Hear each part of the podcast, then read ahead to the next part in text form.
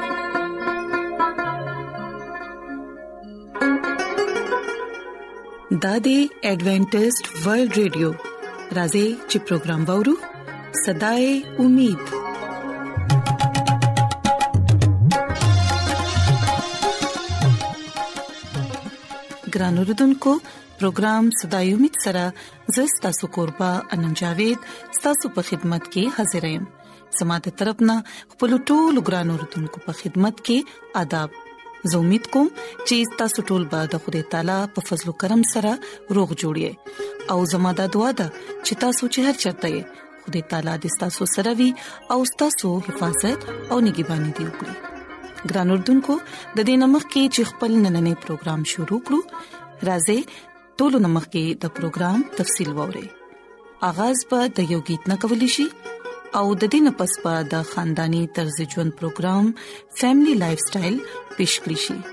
او ګران اردوونکو د پروګرام په خیره کې به د خدای تعالی د الهي پاک کلام نه پیغام پیش کړی شي د دې نه علاوه په پروګرام کې روهاني गीत هم پیش کول شي نورازې چې د نن پروګرام اغاز د دې خولي روحاني गीत سره وکړو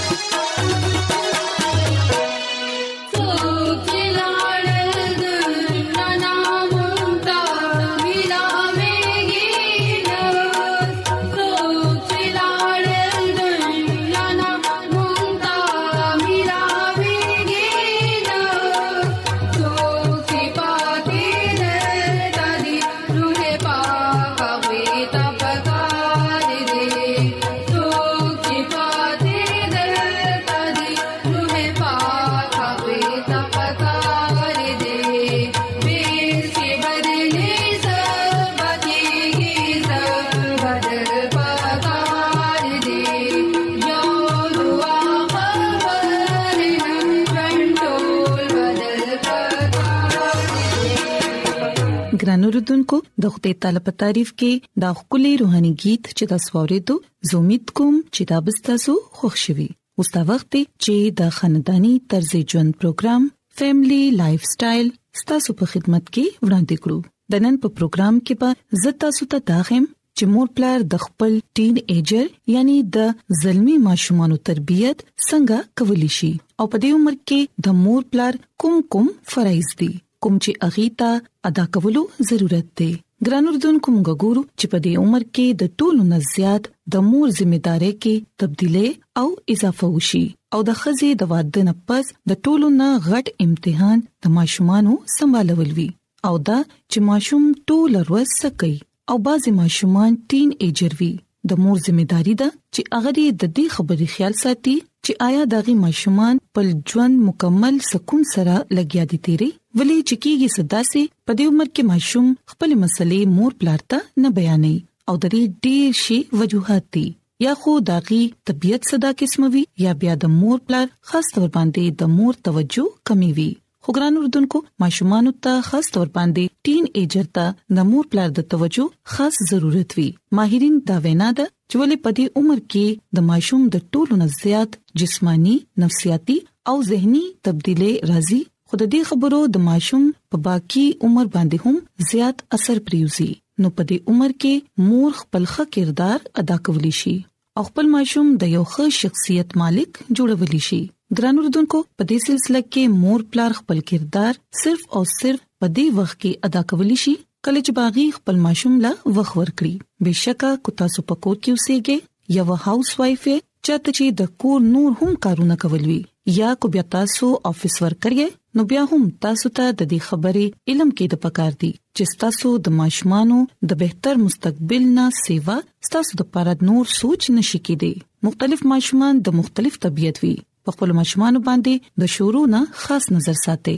اغي د نږدو نه د پويدو کوشش وکړي او دا غي د ټولو نه زیات نږدې کېدو اسانه طریقه دا ده چې خپل ماشومان سره پخه ملګرتیا وکړي او غي سره د غي د خوخي په هر موضوع باندې خبرې کوي ترڅو تاسو دې زیات نه زیات داغي مبارک کې پوي دي شي او داغي د خیالاتو به تاسو ته پته لګي ګران اردوونکو کوچرستا سوما شومان د خه ملګرو نه محروم دي نو په داسې وخت کې هم دا ستاسو ځمېداري ده چې تاسو داغي د پاره خه ملګري پیدا کړئ کوچرستا سوما شوم لا پروا دي نو بیا هغه ته د داسې ماشومانو ملګرتیا فراهم کړي کوم چې ذمہ دار وي او هغه ته به هم د ذمہ داري احساس ورکړي خو کو ګران اردوونکو ستاسو ماشوم د لوبونه لري اوسيږي او هر وخت د سکول په کار کې مشغول وي نو دا هم د غي د پاره او د غي د صحت لپاره بهتره نه ثابتيږي په داسې کې کوشش کوي چې غي په خپل نگرانۍ کې بهر په سپارک کې د تفرید لپاره بوزي یا بیا غي ته نفسياتي او جسماني ورزش لپاره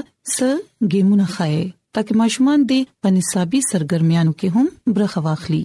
ګران اردوونکو کله چې ماشوم په دې عمر کې وي نو مور پلار ته په دې خبر باندې خاص توجه ورکولو ضرورت دی چې غي ته هر وخت په ماشومان باندې سختي کول نه دی پکار ولې چې ګران اردوونکو موږ ګورو چې کله ماشوم لګیاي ځواني کې نو اغي زیات روک ټوک یعنی اغي ته کومګه زیات وینا کو د سلسیزونو نه اغي مونږ منې کو نو غوي دا نه برداشت کوي او بعضی وخت ماشومان خپل مور پلار سره بدتمیزي هم کوي نو کچري مور پلار به خپل ماشومان سره ملګرتیا قائم کړي نو بیا اغي مینې سره خپل ماشوم پوي ولي شي او بیا باغی ته د سختې کولو حاجت نه پیخيږي ګران اوردونکو څنګه چې ماته ستا ویلي دي چې صرف په ماشومان باندې نظر ساتي او د دې خبرې اندازو لګوي چې اغي څومره حد پوري ځمېدار دي کې دي شي چې اغي د خپل عمر په لحاظ سره د ځمېدارې مظاهره په خپل وکړي او کچري دا سده نو بیا هم پاغي باندې بيجا روک ټوک او سختی کول خطرناک ثابتيږي ګران اردوونکو یاد ساتئ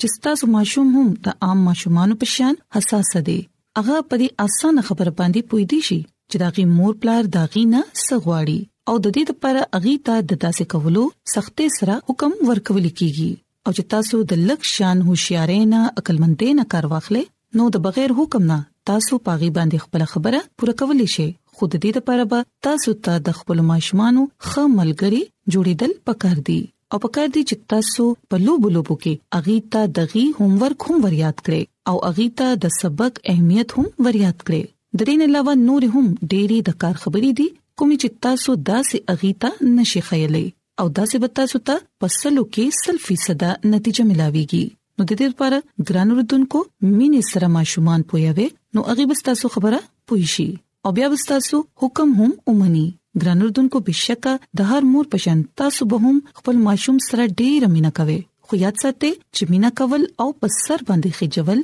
دوه جدا جدا خبرې دي ماشومان سره په صحیح مانو کې مینا اوم هغه مهندې کوي کوم چې د موقع مناسبت سره اغي سره مینا کوي او هم دغه سي د ضرورت په خېدو باندې هلکه شان ډانټ هم پکار دی مثلا کومه شوم ته پلار پس خبره باندې وینا کوي نو داغي د دې غلطه په اړه کې غو پوي کې نه کومه شوم تاسو ځان ته رانیږدې کړئ ولې چې دا څه کول سره به ماشوم دا غني چې کې دي شي چې پلار ماته غلطه وینا کړې ده ولې چې مور خو لګیا د ما سره مين کوي نو د دې لپاره ګران اردوونکو کوشش کوي چې ماشومان د دې خاص عمر کې تاسو د شرمندګۍ موقع کم نه کم ورکوي ولې چې دا شان به په ماشومانو کې خود اعتمادي نشي راتلې کوم ماشوم چې سخه کار کوي نو اغل شاباشي خامخا ورکوي او هغه په دې ښه کارونو باندې انعام هم ورکوي ترڅو ماشوم ته دې دا اندازه ولګي چې هغه یو ښه کار کړی دی نو ګران اردوونکو کچري تاسو په دې وړو وړو خبرو باندې عمل کوئ نو بیا به یقینا تاسو خپل ماشومانو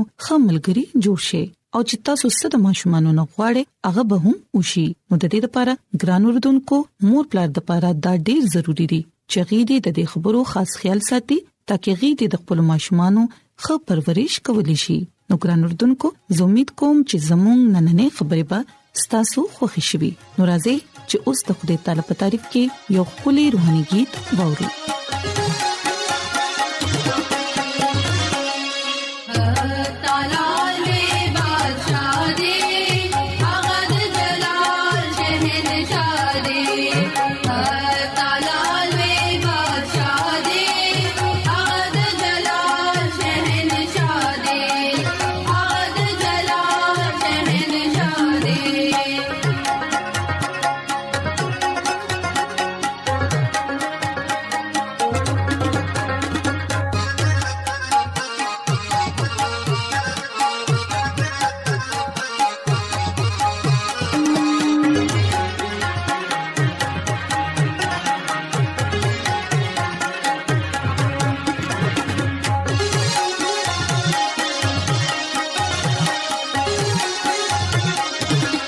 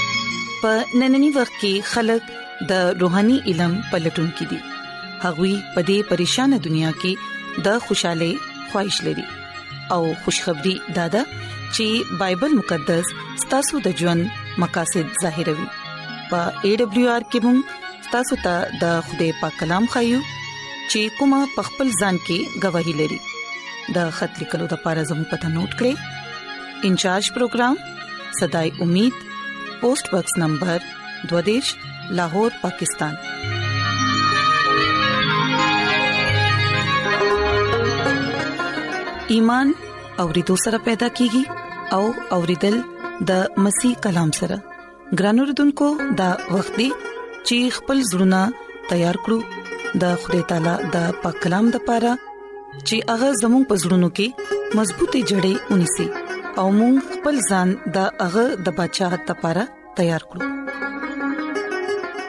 عیسی مسیح په نامه باندې تاسو ته سلام وایم زدا مسیح خادم جاوید مسیح تاسو په خدمت کې پاک کلام سره زه حاضر یم زدا الله تعالی شکر ادا کوم چې نن یو ځل بیا تاسو په مخ کې کلام پیش کولو موقع ملاو شو ګرانو اوردونکو راځي خپل ایمان مضبوطه او ترقه لپاره د خوده کلام اورو نن مونږه چې کم خبره باندې غور کوو هغه دی نجات چې خدای مونږه د پاره د نجات څنګه بندوبست کړو د دې خبر تا قتل د پاره انسان ګنا په وجه باندې اسمان نه پزماکه باندې س اثرات مرتب شو خدای اغي د پاره ډیر سو وکړو ګرانو رودونکو مونږ د بایبل مقدس نوې لوزنامې نه د پولیس رسول روميو نامه خط پنځم باب او دغه دولسم آیت کې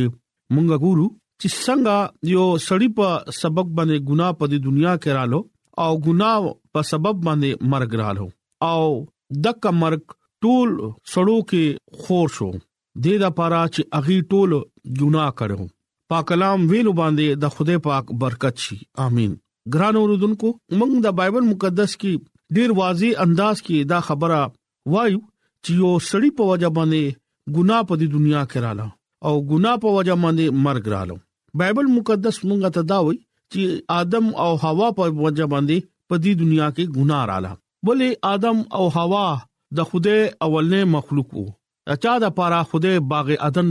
جوړ کړو دا اولنې انسانو خدای خپل لاس سره اغي جوړ کړو او بیا د ژوند دم لکه روح په اغي کې واچول مونږ ګورو چې د دې اغي ګناه وکړه او ګناه په وجه باندې په دنیا کې مرګ رانو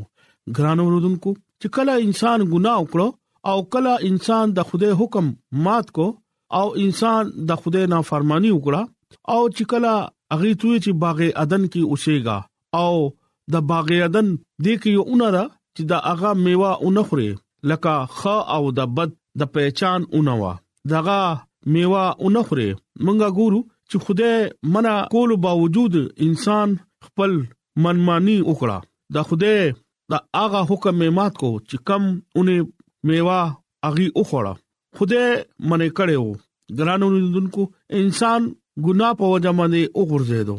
انسان ګنا وکړو او انسان ګنا په وجه باندې خوده نه بیا پټې ده اغه ټیم مونږه اسمان باندې د غم فضا ګورو خوده ډیر زیات غم زده شو او خدای د دې خبره افسوس وکړو چې انسان خدای خپل جلال د پاره خپل تعریف د پاره جوړ کړو کم انسان خدای دې د پاره جوړ کړو چې داغه قربت کې پاتې شي هغه سره رفاقت کیږي دغه نوم لا عزت او جلال ورکی هغه انسان خدای نافرمانی وکړه د خدای حکم یې مات کو ګنا په وجه باندې خپل ځان خدای نه لری کړو ګران اوردونکو په اسمان باندې خدای انسان ګناه په وجه باندې ډیر زیات افسوس وکړو مونږه ګورو د خدای خادمه مس ایلن جی وایټ خپل کتاب قديمي ابایي بزرگ و انبیا صفه نمبر یو کم 50 کې دا خبره لیکي چې انسان ګناه په وجه وګرځیدو او ګناه په وجه باندې کل اسمان باندې غم نه ډک شو او په دنیا چې چا خدای جوړه کړې و ګناه په وجا لعنت لکه داغدار شو او داسې بشیندونه آباد شو چې کم غم تکلیف او د مرګ فتوا ظاهر کړه چې چا د خوده شریعت خلاف ورزي وکړه دا غیر هاي لارا نه ښکارې ده فرشتو هم د سنا کول شکرګزاري گیت ویل بند کړو آسماني بارګا باندې د ګنا په وجه باندې بربادي وشو التا ماتم شو ګران اوردونکو مونږه ګورو چې زمکه باندې ګنا وشو او په دې ځمکه باندې ګناه رااله او ګناه سره مرګ رااله او هغه سره سره ګناه په وجه باندې لعنت پزماکه باندې وشو منګه ګورو فرشتي د غم نه ډک شو او غي د دې خبره غم وکړو چې انسان د خدای نافرمانی وکړه او خدای چې کم د مینې خدای دې خپل فضل خپل رحم په انسان وکړو او د خوده مینا کتو باوجود انسان د خوده نافرمانی وکړه ګران اوردونکو د دې ګنا او سزا او د لعنت نه بچکولو د پاره انسان نجات اغستو د پاره انسان د مرګ سزا نه نالت نه بچکیدو د پاره خلاصي ورکولو د پاره عیسی المسی مفلس لارا اختیار کړه ولې چې انسان لا نجات ورکی ګران اوردونکو عیسی مسیح چې کوم آسماني لشکر سپه سالار دی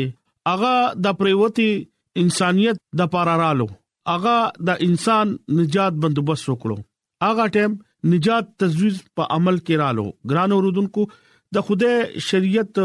ماتول په وجه باندې انسان نه صرف ګناګار جوړ شو مونږه ګورو چې د دې ګناګار انسان مرګ ډیر ضروری وو او ټول کائنات ته پر یو هستی پکار وا انسان خاطر شریعت الهي لکه د خدای شریعت تقاضو پورا کولو جران اوردونکو څنګه چې مونږه دا خبره وکړه چې د خوده شریعت پاک دی او خوده خپل هم پاک دی د دې لپاره ګناه کفاره صرف هغه هستی ورکول شو چې کوم د خوده برابرو څنګه چې موږ د کلام مقدس کې دا خبره ګورو چې خوده برابر دی د خوده په صورت باندې صرف او صرف د خوده زوی عیسی مسیح دی لکه موږ فلپیو خط کې دویم باب شپږم او ووم آیت کې مونږه دا ګورو چې هغه په خوده صورت باندې او د خوده برابرو ځان خالقو خادم صورت اختیار کړو او د انسانان مشابه شو د حواله ته عیسی مسیح متعلق مونږه ګورو چې عیسی مسیح د خوده صورت باندې د خوده برابر شو او ځان انسان نجات لپاره تیار کو د خوده کلام مونږه تداوي او مونږ دا خبره زده کوو عیسی مسیح بغیر بل څوک نو چې هغه پریوته انسان دوباره نجات طرف ته راولي او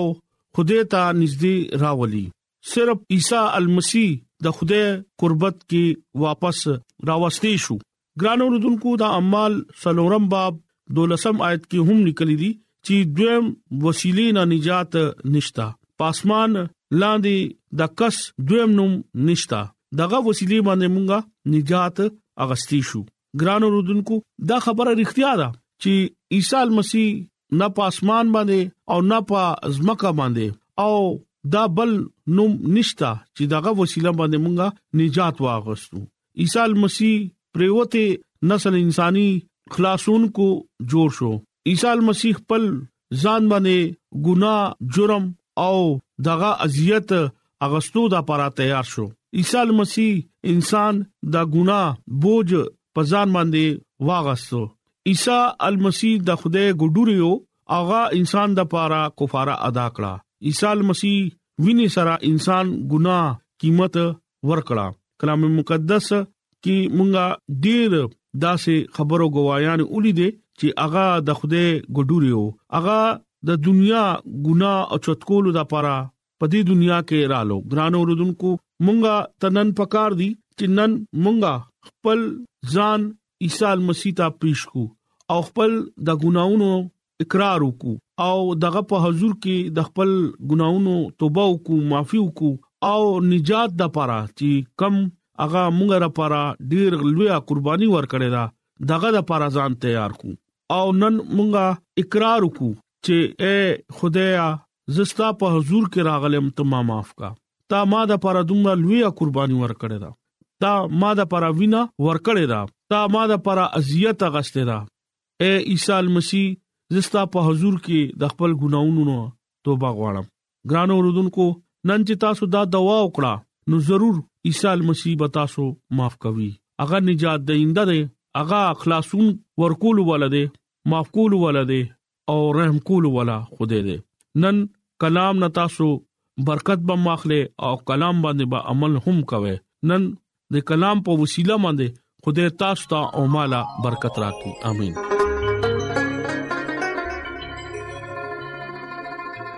راځي چې دعا وغوړو اے زمونږ خدای مونږ ستاسو شکر گزار یو چې ستاسو د بندا په وجبان دي ستاسو په کلام مونږ وورېدو مونږ لا توفيق راکړي چې مونږ دا کلام په خپل زړونو کې وساتو او وفادار سره ستاسو حکمونه ومنو او خپل ځان ستاسو د بدشاهت لپاره تیار کړو زه د خپل ټولو ګران وردونکو لپاره دعا کوم کو چرپاغوي کې سګ بيمار وي پریشان وي یا په سم مصیبت کې وي